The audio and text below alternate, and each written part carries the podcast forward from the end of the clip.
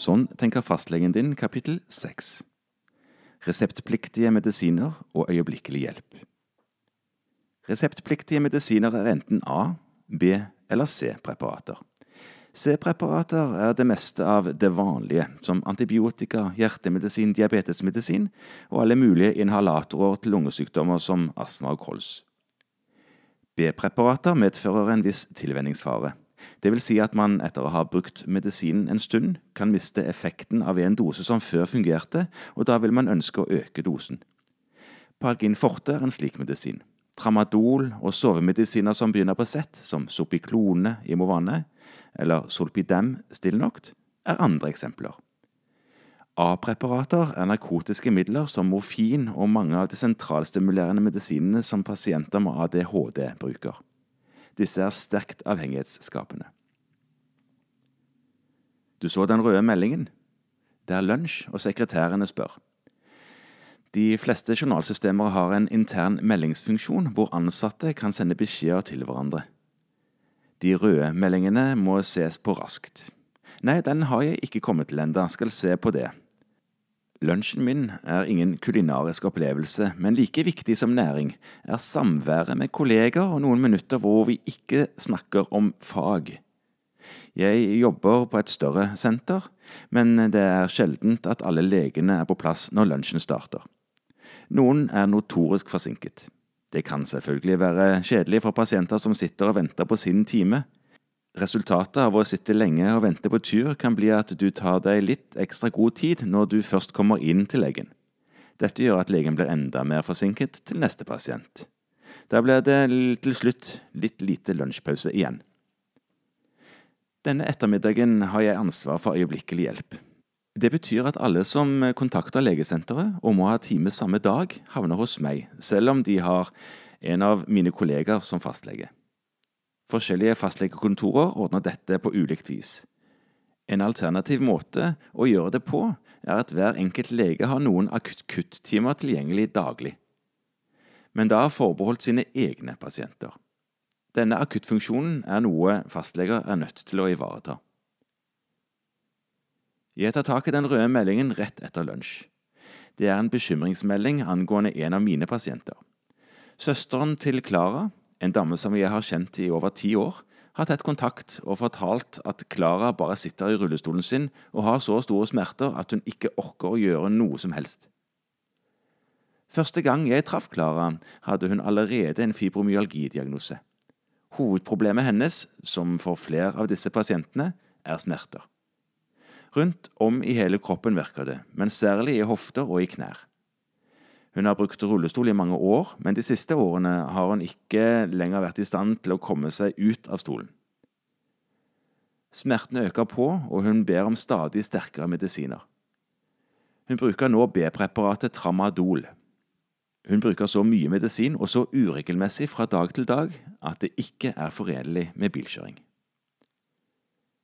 Medisinbruk har i lang tid vært en utfordring for Klara. Ikke bare behovet for smertestillende, men det har også vært rot i andre medisiner som jeg stadig var usikker på om hun hadde tatt etter avtalen. Hun bruker kolesterolsenkende tabletter mot høyt LDL-kolesterol, det dårlige kolesterolet, og fordi både hennes far og mor fikk hjertesykdom i ung alder, ønsket jeg å begrense risikoen for Klara. Hun tar også vitamin B-tilskudd og medisin mot lavt stoffskifte. Det var stadig svingninger i kontrollprøvene av stoffskiftet som gjorde at jeg fant ut at hun nok, tross de aller beste hensikter, ikke klarte å ta medisinen som forskrevet.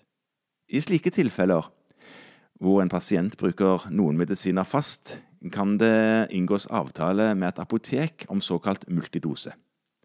Da får pasienten tilsendt en remse med datostemplede poser hver annen uke.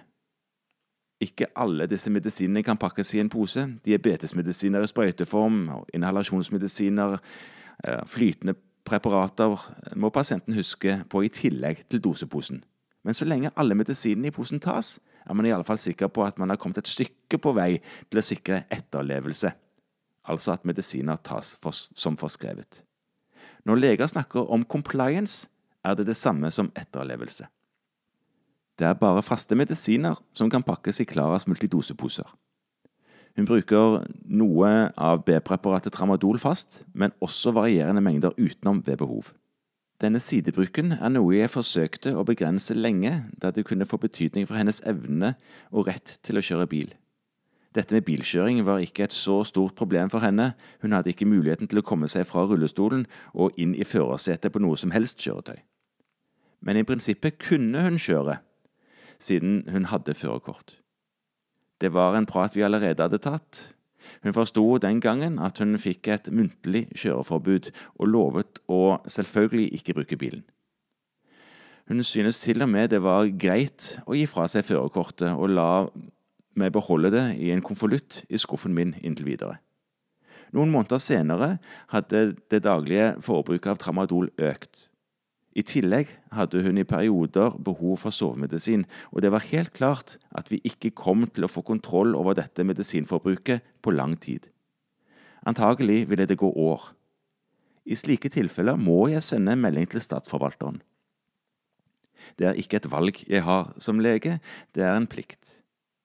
Klara likte veldig dårlig at jeg sendte dette brevet. Jeg har vel til gode å oppleve at pasienter som mister førerkortet, synes det er gøy men det er eh, stor variasjon fra pasient til pasient. Den røde meldingen om Klara handler altså om økende smerter. Jeg ringer henne. Hun er snøvlete i stemmen og bekrefter at hun har tatt ganske mye tramadol i det siste. Hun har nesten ingen tabletter igjen av en pakke som ifølge avtalen skulle rekke i minst en uke til. Siden hun har brukt opp sovemedisinen jeg har skrevet ut, har hun i tillegg fått sovemedisin av en venninne som mente hun ville ha godt av en god natts søvn. Hun har sovet godt, men føler seg ikke bedre av den grunn. Hun klarer ikke å fungere hjemme, selv med hjemmesykepleier tre ganger per dag. Etter en del fram og tilbake i dialog med kommune og pårørende ender det med at Klara ble lagt inn på en kommunal akutt døgnenhet, KAD.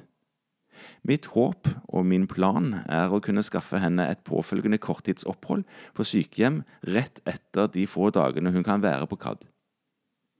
Slikt logistikkarbeid som krever at jeg må koordinere og få andre deler av helsevesenet til å spille på lag, tar mye tid. Resten av dagen kan bli ganske kavete, både for meg og for deg som har time etterpå. Heldigvis tar noen av øyeblikkelig hjelp-timene ganske kort tid også, så da kan jeg vinne tilbake litt av den tiden jeg brukte på arbeidet eh, med slike som Klara. Det er et nødvendig og viktig arbeid. Heldigvis ordnet det seg for Klara denne dagen, og det gir en følelse av å ha bidratt, som er følelsen jeg tar med meg hjem denne dagen.